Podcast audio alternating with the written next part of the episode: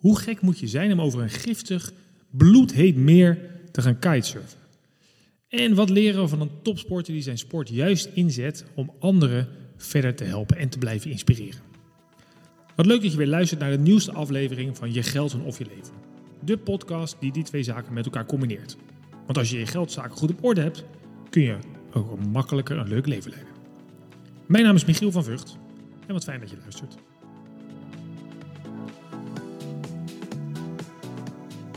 Deze podcast is mede mogelijk gemaakt door NNK Vermogensbeheer. En voordat later te laat is, kijk voor meer informatie op nnk.nl.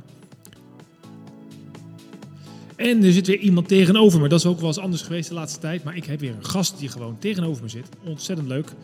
Uh, en dat kwam eigenlijk wel goed uit, want uh, ja, Roderick Pijl zit tegenover mij. En hij was ook net onderweg naar een fotoshoot. waar kunnen we je straks ergens uh, gaan zien?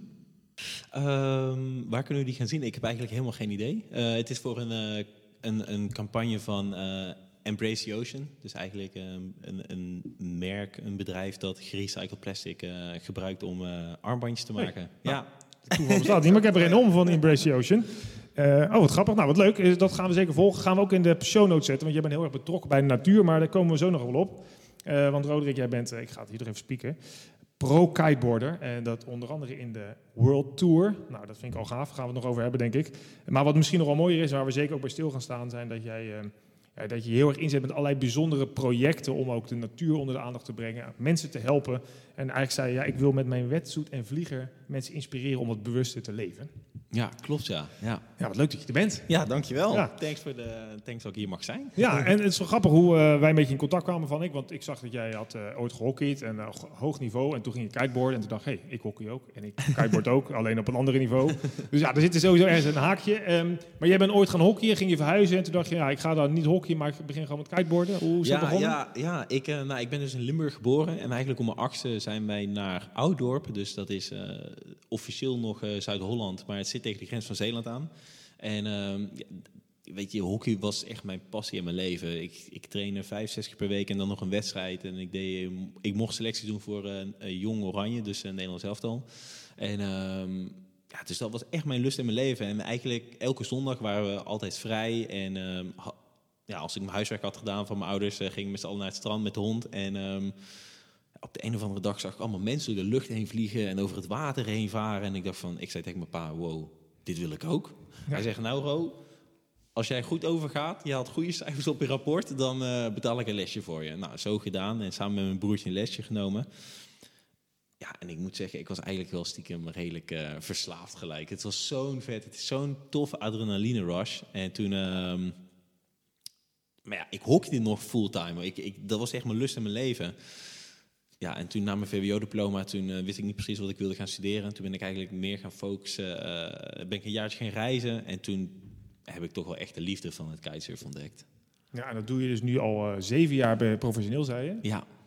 Dat is ook wel een soort droom die uitkomt, toch? Ja, dat, dat was een mega droom. Ja, toen ik studeerde, toen merkte ik dat ik, um, toen ik op de universiteit zat, na mijn eerste, tweede jaar, merkte ik dat ik sponsors begon te krijgen. Toen zei ik eigenlijk tegen mijn ouders, hey Pama, ik wil denk ik stoppen met mijn studie en gewoon uh, gaan kiten. Toen zeiden mijn ouders van, nou Ro, je maakt eerst maar die studie af en dan mag je gaan doen en laten wat je wilt. Dus toen, uh, nou, studie afgerond en toen heb ik tegen mezelf gezegd, oké, ik geef mezelf één jaar. En als ik er dan van kan leven, dan, uh, dan is het mooi. Zo niet, dan ga ik wat met mijn studie doen. En nu, nou, zeven jaar later, zijn we nog steeds de wereld rond te reizen. Ja, ja, en dat bracht je natuurlijk op allerlei bijzondere plekken. Hè? Want, we hadden het al een beetje in het voorgesprek over Mauritius, Brazilië, Indonesië, IJsland, noem maar op. Ja. Uh, en dat zorgt er ook wel voor dat je uiteindelijk op een andere manier meer gaat kijken naar dat kiteboarden. Je zegt, joh, het is hartstikke gaaf. Elke ja. dag nog steeds. Ja, ja, het is echt, elke dag is een nieuw avontuur. Elke dag is een, een uitdaging. Ik heb elke dag een nieuwe sportieve uitdaging. En weet je, toen ik begon met kitesurfen was mijn enige echte focus was om mee te mogen doen met de World Tour. Dus met de wereldkampioenschappen. En dus ik was alleen maar aan het trainen om een, nog meer power in mijn tricks. Om nieuwe tricks, om, om een nieuwe uh, trucje te leren. Um, ja, om, om een betere stijl te maken. En um, na enkele jaren met de World Tour meegedaan te hebben en ja, mooie resultaten hebben behaald, ging eigenlijk een beetje, nou ja, oogkleppen wil ik het, het klinkt misschien te negatief, maar wel kwam ik erachter dat er meer is dan alleen maar dat ene trucje en dat nieuwe trucje. En dat je dus je sport kan gebruiken als springplank om um, nou ja, de mooiheid van de, van de wereld en van je avonturen en van, en van de natuur te laten zien aan mensen die dat uh, misschien niet kunnen beleven. En uh, dus ja, je sport als springplank te gebruiken. Ja, ja wat ik zelf ook wel ervaar als ik ga kiten, uh, natuurlijk op, op, absoluut niet te vergelijken niveau. Want ik, jij springt 22 meter, zag ik ergens of zo? Ja, ik denk tot een record ja, iets hoger ligt. Wel uh, ja, boven de 25, maar uh, rond die hoogte. Ja. ja, nou ja, en dan moeten we even denken, dat is een verdieping of wat is dat, 6, 7? Ja, ja plus minus, ja. Nou, je moet maar, uh, iedereen luisteren, die rijdt maar eens naar Noordwijk, Wijk aan Zee, Outdoor, Brouwersdam. Daar zie je zeker met een goede wind, windkracht 6, 7, 8. Nou, dat, gaat, dat is een, een genot om naar te kijken. Uh, maar dan, je merkt dus, wat ik eigenlijk wil zeggen, elke keer die kracht van de natuur en ook de intensiteit van de natuur. Als ik zelf ook ga varen, absoluut op, op mindere, mindere windsnelheden. Maar je voelt toch, als je een keertje valt in het water, wat de stroming doet, wat de natuur doet. Ja. Dus je krijgt heel veel ontzag juist voor de planeet, denk ik, ja. door, door, die sport. Ja, dat is echt zo. Je begint het echt uh, te respecteren wat de natuur is. En, en weet je, we kunnen zeggen wat we willen, dat, dat we de natuur misschien onder controle hebben, maar moeder natuur is en blijft de baas. En dat, dat, dat, ik zie dat dagelijks. Ik merk het in zoveel verschillende uh, uh, facetten. Ik was laatst in IJsland en daar zag ik... Ik stond bovenaan een gletsjer, uh, boven een afgrond van 50 meter... en er viel een waterval naar beneden. En het waaide zo, zo ontiegelijk hard... dat die waterval gewoon weer letterlijk omhoog werd geblazen. Bizar. Nou, dat, dat, dat, dat je daar staat en je denkt van... nou, waar kijk ik naar? En dan, dan besef je wel dat wij als mens we hebben heel veel invloed op moeder natuur uh, met klimaatverandering, maar uiteindelijk gaan we onszelf uitroeien. Moeder natuur zal blijven bestaan, misschien in een andere, andere vorm, maar ja, moeder natuur is en blijft de baas. Ja, en dat wil je ook wel laten zien, hè? want je hebt met, uh, met Rijn Rijken doe je, een, doe je een heel bijzonder project. Ja. Dat heet The Last Line. Je bent ook al daar regelmatig mee in de pers geweest, op, uh, op tv geweest over uh, nou, wat, wat je doet. De, het, het, wat iedereen me herinnert, ik sprak laatst mijn collega Laura, die de redacteur is van dit programma. En die zei, oh ja, die heb ik gezien. Want dat was die gek die over, de, over het meer heen ging. Ja. Dus jij bent gaan varen over een meer in Tanzania dat 60 graden warm is en uh, dodelijk giftig. Ja, ja. Dus ja. hoe gek moet je zijn? Vertel het, hoe ja. ontstaat zoiets? Ja, hoe ontstaat zoiets? Ja, ik heb, ik heb werkelijk... Uh, ja, ik heb wel een idee, maar als ik eraan terugdenk... dan uh, denk ik ook af en toe, oh, wat hebben wij gedaan? Ja. En ja, we kregen in het begin heel veel reacties van mensen van... nou, er zijn weer roekeloze surfers die uh, in een café op een bierveeltje een idee hebben uitgeschreven. Ja, dat is er totaal niet, weet je. Er zaten maanden aan voorbereidingen vast. We hebben met een chemicus gesproken. We hebben met een fabrikant van een bepaalde um, dry suit gesproken... om ons gewoon echt heel goed voor te bereiden. Ik heb een Excel-bestand opgemaakt met uh, voor elke doemscenario twee oplossingen. Dus nou, we waren echt heel goed voorbereid, maar... Ja, ik moet wel eerlijk zeggen, als ik erin was gevallen, dan denk ik niet dat ik heel comfortabel nu aan deze podcast Ja, ja, ja. had gezeten. Ehm, dus Maar ja, waarom deed je dat? Want wat was dan de gedachte om daar, weet je, bedoel, je kan ook zeggen, ik ga vaar een keertje langs de Brouwersdam richting Oudo, Ja. downwindetje, weet je wel, ook mooi. ja, Maar ja, je ja. dacht, ik ga toch dat doen. Wat, waar, waarom klopt. staat dat? Nou, ik, ik, ik had destijds een sponsor, Asus, en eh, zij hadden een eh, campagne in Search of Incredible. En wij zaten bij hun op kantoor, Rijn en ik. Eh Rijn is dan de fotograaf. En we kregen eigenlijk de vraag voorgesteld: oké jongens, we hebben een campagne in Search of Incredible. Wat als wij jullie een vrijbrief geven en jullie mogen het, het visueel in kaart brengen van wat in Search of Incredible is? Ja, en toen kwamen wij dus met dit project op en eh, hebben dat mogen uitwerken. En dat was echt een mega tof avontuur. super mooi, maar we hadden wel constant, terwijl we dit aan het doen waren, dachten van ja, dit is zo'n mooi avontuur, maar er moet veel meer lading bij zitten. Er mag veel meer lading bij zitten. En, en we wilden het ook weer niet. Het is niet alleen maar van, oh, kijk eens wat Nee. ongelooflijk tofs doen, maar Nee, we wilden veel meer ermee doen. Alleen we wilden het ook weer niet onszelf zo gaan opleggen dat we dachten van oké, we gaan dit verzinnen om het maar te doen. Dus het idee was eigenlijk dat ik ging kitesurfen eh, in een bloedrood meer. Want eh, dat meer Lake Natron is dus bloedrood. Eh, en dat is giftig en ja, rond de 60, 70 graden warm. En toen we aankwamen was dat meer pikzwart. Er was helemaal niks rood, het was pikzwart. En dus toen hebben we met heel veel Maasai-mensen gesproken, met heel veel lokale eh, stammen. En die zeiden allemaal van, ja, het heeft gewoon eh, onwijs hard geregend in Kenia. En dat meer ligt in Kenia en Tanzania. En dat is dat de meer is dus helemaal volgestroomd. En zij zeiden, we hebben dat nog nooit meegemaakt in de afgelopen decennia's. Ja, dus ja. zij zeiden, ja, dit is... eh, nou, iedereen zei dat het een, een gevolg had van klimaatverandering.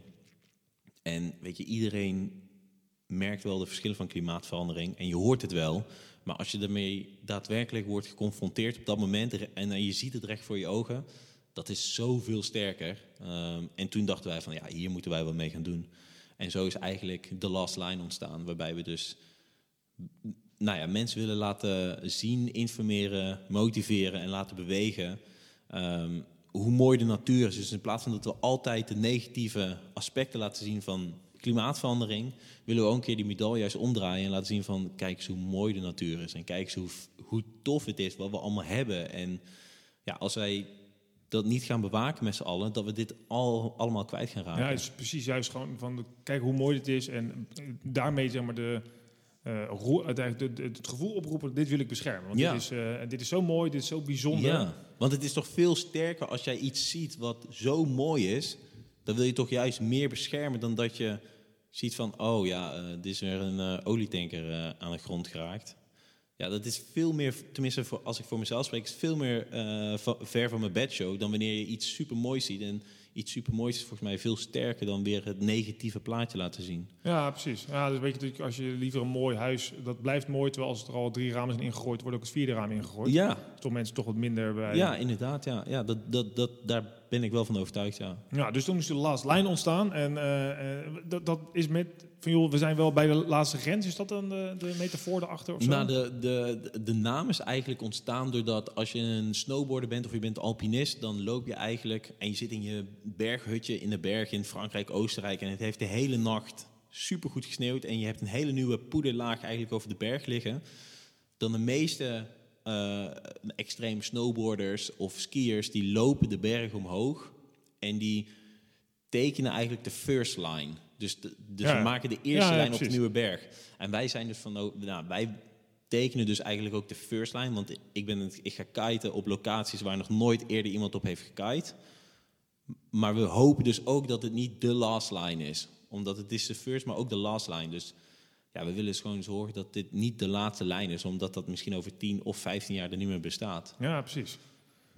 Nou, dat brengt me gelijk maar een mooi bruggetje. Want je zegt, ja, eh, als alpinist loop je dan een berg op eh, als het vers sneeuw ligt. Jij liep in IJsland, las ik ergens met 40 kilo een berg op. En toen, eh, om daar in een vulkaan te gaan kiten, ook Ja. weer zo'n plek waar je denkt, dat kom je niet zo dagelijks. Nee, klopt ja. ja. Toen was het de harde wind, of het was er geen, geen wind? Ja, ja dat, was wel, dat was wel echt heel erg pittig. We hebben moesten dus echt met...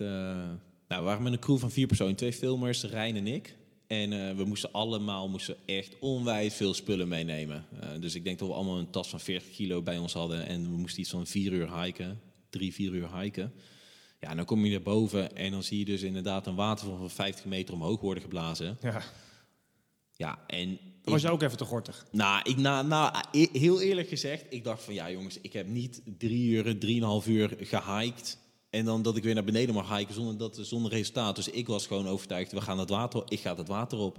En eh, ja, eh, ik, het gaat me vast wel lukken. Het wordt heel zwaar, maar ik denk dat het me wel gaat lukken. En eh, ja, als ik heel enthousiast word en vol met adrenaline, dan zie ik misschien de gevaren minder. En dat wist Rijn, dat weet Rijn ook van mij. Dus we hebben in Nederland hadden we al afgesproken, als Rijn zegt nee is nee, dan, dan is het ook nee. En dan gaan we het ook gewoon niet doen. En dat is puur uit bescherming van mezelf, omdat ik ja, misschien af en toe een beetje te enthousiast word. Ja. Ehm, dus ik, ik stond in mijn wedstrijd, ik had mijn kuiten opgepompt en eh, nou ja, ik stond echt op het punt om het water op te gaan. Toen zei Rijn van nee, dit eh, gaan we dus niet doen. Dus toen eh, dacht ik ook van oké, inpakken en dan je verlies nemen. ja, precies. Andere Ja. keer komen we wel weer terug. Ja, klopt. En dat is ook wel de kracht van Rijn. Want Rijn is zelf echt een alpinist. Dus hij is heel gewend in de bergen. En dat is eigenlijk wel een- ja, de grootste regel in de bergen. Dat, eh, weet je, je kan misschien 20 meter voor de top staan van de Mount Everest. Maar ja, als je het niet haalt, dan kan je beter eerder terugdraaien dan dat het je leven kost. Ja, Want die tuurlijk. 20 meter is het dan zeker niet waard. Nee. Dus dat heb ik wel heel veel van hem geleerd. En eh, daarom denk ik ook dat we wel een heel erg sterk team zijn. Omdat we ja, gewoon heel goed naar elkaar kunnen luisteren. Ja, en uiteindelijk is het toch gelukt, want ik zag, ik, ik, ik volg je ook op de social eh, media en dan zie je een aantal foto's die je plaatst, waarbij je zegt, die, hier is niks aan getrukt. Dan zie je jou van bovenaf gefilmd. Dan denk je, wat is dit voor een bizar Ja. beeld met grijze vlakken en zo. Dat is dan het ijs volgens mij en dan een vulkaan. Ja. Dat is allemaal echt, het echt absoluut aangeraden om jou te gaan volgen. Ja, dat was echt een, eh, iedereen dacht dat het geanimeerd was, alsof het echt een computerspelletje was. Ja, maar precies. dat, ja, dat was gewoon he- dat was niet eens een filter eroverheen. Het was zo puur natuur. En nou, toen ik het zag, ik was natuurlijk een kite en ik wist wel dat het mooi was. Maar toen ik het op zijn plaatje zag, dacht ik echt van... Wow, Ja, dit is echt Ja. sick. Ja. Dus dat is zeg maar wel mooi. Hè? Dus je, je wil die sport gebruiken om eh, bewustzijn te creëren, ook voor de natuur. Van, joh, bescherm dat. Kijk hoe mooi het is, hoe bijzondere plekken we hebben waar je nou, dus kunt kitesurfen. Ja, Eh, dat doe je met Last Line. Binnenkort ga je weer een, eh, had je alweer een nieuw project, zei je, was je helemaal aan het uitwerken. ja klopt. Ja, ja. Dus IJsland was zo'n groot succes dat we nu weer eh, naar het volgende project gaan. We gaan, mogen naar Noorwegen toe. Of ja, we mogen, we gaan naar Noorwegen toe. En dat is een project voor eh, eh, protest. En zij hebben eigenlijk een, eh, een, eh, nou ja, een project, eh, Green Up. Waarbij ze dus eigenlijk ook willen laten zien, jongens... eh, we moeten met z'n allen ons steentje bij gaan dragen. Dus zij hebben ons nu naar Noorwegen gestuurd. Maar ze hebben één voorwaarde gesteld. eh, we willen dat jullie op een CO2-neutrale manier er naartoe gaan. Oh, goed. Dus dat is heel erg tof. In plaats van dat we daar naartoe vliegen, ehm, ja, gaan we nu dus met de zeilboot. Dus dat wordt, Oh ja? ja, dat wordt wel echt een eh, pittig stukje. Maar ik denk wel onwijs mooi. Heel erg tof, ja. En ja. dan ga je daar weer op een plek kiten. Of, eh, Ja, het idee is dus om als eerste persoon onder het noorderlicht te gaan kitesurfen. Dat is ons ultieme droom. En ja, dat wordt wel pittig, want het is gewoon eh, midden in de nacht, ja. waar het pikken donker is. En hopen Eh, dat het eh, niet bewolkt is. En dat soort, niet ja. bewolkt, Ja. ijskoud water. Dus dat wordt nog wel echt een uitdaging, maar dat wordt weer een avontuur om... eh, Ja, gaaf man. Ja. Nou, Noordlicht, ik heb het ook wel eens gezien. In een halve seconde geloof Oh, ik. ja? Nou, ja, ja het- mijn broertje heeft een tijdje gewoond. Echt prachtig. Het is absoluut... ik nou, ben zo benieuwd. Ah ja, dat ga je ook nooit meer vergeten. Net zoals al die andere dingen. Wat ik ook nog wel gaaf vond, want we zeiden, ja, wat leren we nou van een topsporter die zijn sport inzet om te helpen? Hè, dus ja, jij hebt echt wel de be- be- bewust besloten van, ja, ik vind het prachtig, ik heb een heel mooi leven daarin, ik zie heel veel van de wereld, denk ik. eh dat dat weet je natuurlijk, weet Ja. ik. eh, en dat is eh, heel mooi, maar ja, er is meer dan dat. Ik wil ook wat ik heb inzetten om anderen te helpen. En wat je net vertelde, vond ik heel mooi. Eigenlijk heel, ja, bijna ontroerend hoe jij ook zeg maar, jouw ervaringen die je opdoet in de wereld vastlegt en daarmee kinderen wil helpen die in het ziekenhuis liggen. Ja, klopt. Ja, leg daar eens ja. iets over uit. Dat is echt wel een mooi, eh, Ja. bijzonder iets. Ja, nou ja, je zei het eigenlijk echt eh, perfect. Ik, eh, weet je, elke dag is een nieuw avontuur voor mij. Als ik, gisteren ben ik bijvoorbeeld gaan trainen met het, met het Nederlands team. En ja, dan varen we 10 kilometer de zee uit en dan varen we om een cruiseschip. Ja, dat is een, dat is een ervaring, dat, dat, dat vergeet je nooit. Of dat ik in Indonesië in kitesurfen ben. En elke keer als ik terugkwam, kon ik die verhalen wel vertellen aan mijn ouders en aan mijn vrienden. Maar ik dacht van, ik wil dit aan meer mensen laten zien. Ik wil proberen om meer mensen daarmee, ja, daarvan te laten genieten. En toen ehm, ja, ben ik eigenlijk eh, gaan brainstormen. Ben ik iemand heb ik iemand ontmoet in eh, Brazilië. En ik ben nu dus een project gestart. ehm, waarbij ik dus mijn avontuur ga vastleggen met een 360-camera. Dus, dus dat is virtual reality. Dus dat, is dat je zo'n bril op hebt en dat je ja, helemaal rondom kan kijken. En dat je alles kan zien wat er ook daadwerkelijk is gebeurd. Ja, mensen kennen dat misschien wel van de eh, Albert Heijn had een tijdje geleden de dino's. Dus mijn kinderen hebben ook zo'n bril op met dino-plaatjes of zo. Kon je dan, en dan kon je met een QR-code en dan zag je de dino's om je heen lopen. hè. Ja. Dus dan, ja, of een achtbaan kennen misschien mensen ook nog wel van die spelletjes waar Ja, je in dus gaat alsof zitten. je echt daadwerkelijk daar bent. Ja, precies. Ja. Dus eh, nu eigenlijk op elk avontuur dat ik ga, neem ik die camera mee en dan film ik, regisseer ik en script ik zelf alles eh, met een avontuur. Eh, dus bijvoorbeeld in Kaapstad, eh, maar ook in IJsland en, en in Nederland. En dat, dat, daar maak je een entertainend programma van. Ehm, dat combineer ik met een ja, dat je op spelende wijze dingen leert. Bijvoorbeeld, eh, ik vertel iets over de Atlantische Oceaan, maar ook over windenergie, over duurzame, hoe we kunnen verduurzamen. En ehm, dat ga ik inzetten om kinderen die in het ziekenhuis zitten, eh, om hun leven een beetje te verbeteren en ja, een, een positieve wending te geven. Want die kids die bijvoorbeeld nou, eh, lange tijd eh, in het ziekenhuis zitten vanwege een chemokuur bijvoorbeeld, ja, die kunnen niet meer naar buiten gaan om te spelen of om te leren of niet meer naar school om met hun vrienden te spelen. En ja, ik wil proberen om met mijn avonturen hun leven, hun kwaliteit van leven te verbeteren. Dus krijg ze een bril op, kunnen ze een aflevering kijken van 10, 7 à 10 minuten.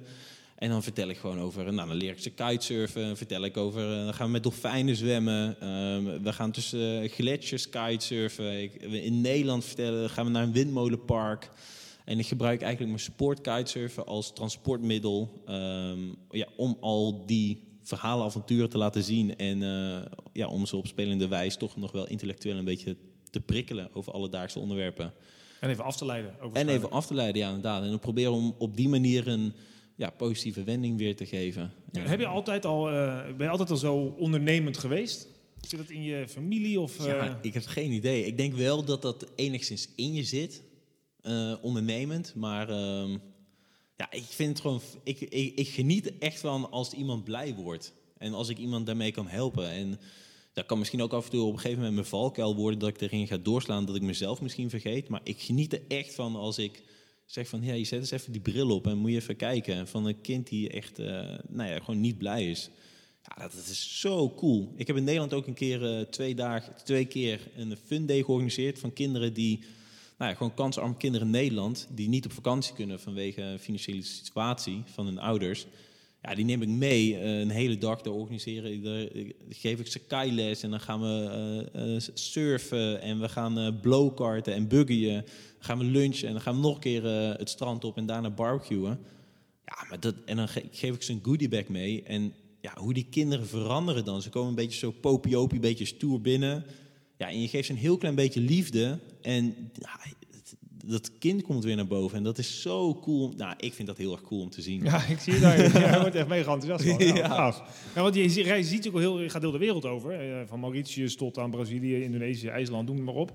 Le- zie je dan ook door die plekken waar je komt... hè, dat zijn vaak natuurlijk mooie plekken. hè, Als, als kitesurfer kom je natuurlijk op de mooie plekken met de zee en zo. Maar zie je, daar zie ik ook heel veel ja, eh, hoe het anders is dan in ons eigen land. Ja, Is, zit dat je dan ook extra aan om dan... Zo ik heb het hier in Nederland de mogelijkheden om er iets van te maken. Dus ik doe dat dan ook in Nederland? Of, of- Ja, ja. ja, dat is wel echt zo hoor. Ik zie natuurlijk wel echt veel. Ik zie onwijs veel mooie dingen, maar ik zie ook onwijs veel, ja, gewoon echt, echt sneuwe, trieste, tranentrekkende gebeurtenissen eh, zie, zie ik voor me gebeuren. En dat is, dat is zo sneu. En, en je, je kan natuurlijk, ehm, ik kan natuurlijk geld gaan geven aan een instantie, maar ik weet niet hoeveel procent van mijn 1 euro ook daadwerkelijk bij die persoon gaat komen. En dan, eh, dan wil ik proberen om het gewoon op mijn eigen manier, eh, ja, mijn eigen manier te doen in plaats van een financiële steun te geven.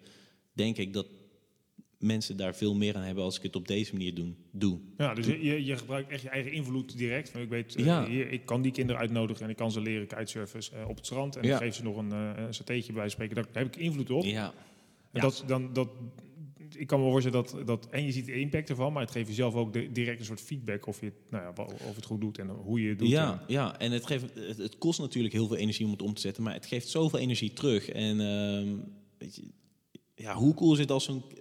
eh, toen we dat eh, project hier in Nederland hadden ge- georganiseerd voor die kansarme kids.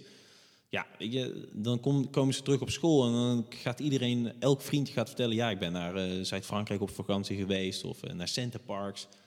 Ja, en dan hebben zij geen verhaal. Maar ja, nu kunnen zij ook met een verhaal thuiskomen in de, ja, ja. in- of eh, op school komen in de kring en vertellen van, ja, ik heb leren kitesurfen en, eh, nou ja, ja, ik, ik hoop dat tenminste dat ze dat kunnen, dat ze dat doen. Ja, ja, je geeft ook weer wat, eh, wat lol gewoon terug. Ja, hè, door eh, wat jij eh, meemaakt. eh. en dat is wel mooi. Dus dat zit eigenlijk in je heel je aard dus. Dat is niet per se... Nou, misschien is dat wel topsport eigen over. Want je ziet wel heel erg de positiviteit. We gaan de mooie dingen van de wereld laten zien. Ja, En we hopen niet dat het de last line is die we daar varen. ja. en, en dat is ook wel een, een klein dingetje. Heel veel mensen zeggen dat topsports egoïstisch zijn. En, en tuurlijk, je, je moet egoïstisch in je sport zijn. Ehm, je moet eh, het beste voor jezelf willen. Je moet, ehm, weet je, als je moet kiezen tussen een biertje of eh, met je vrienden of eh, ja, het water op. Ja, dan ben ik misschien in dat facet egoïstisch, denk ik. Maar ik geloof niet dat je als topsporter als persoon egoïstisch moet zijn. eh, of hoeft te zijn. Dus ja, heel veel topsporters zeggen topsporters zijn egoïstisch. Nou, ik, ik eh, ben het totaal mee oneens. Of ik ben geen topsporter, dat kan ook natuurlijk. Nou ja, dat is- ja precies. Ja, dat mag iedereen voor zichzelf bepalen. Maar ik denk dat je, oh, je bent wat dat betreft al wel echt bewust bezig hoe je die andere mensen wil helpen. En dat is wel echt... eh, en jouw drive die je aan hebt, dat straalt natuurlijk ook af op anderen. Dus dat, dat inspireert. Hè? Dat is ook wel een van de dingen die je graag Ja. wil doen. Hè? Vanuit je wetsuit en je kite. Om anderen inspireren bewust te leven. Waar Ja. beetje mee begonnen. En dit is natuurlijk zo'n manier. Ja, dat is, klopt. het is wel aanstekelijk. Met een Ik- grote glimlach. Ja, mensen zien je niet zitten, maar ik zie een enorme glimlach. Prachtige bos haar, super enthousiast Ja. en positief. En ja, ik dat- hoop het. Ja, ja, ik, ja. ja, hoe vet is het? Weet je, eh, we kunnen altijd wel negatief zijn, maar als we elkaar gewoon kunnen helpen en uiteindelijk moeten we het ook met elkaar kunnen doen. Eh, moeten, uiteindelijk moeten we het ook met elkaar gaan doen. Dus ja, ja we kunnen altijd wel afwachten tot de ene begint, maar waarom eh, beginnen we niet eh, gewoon bij onszelf? Ja, nou ja, we zijn al een beetje aan het einde van de podcast.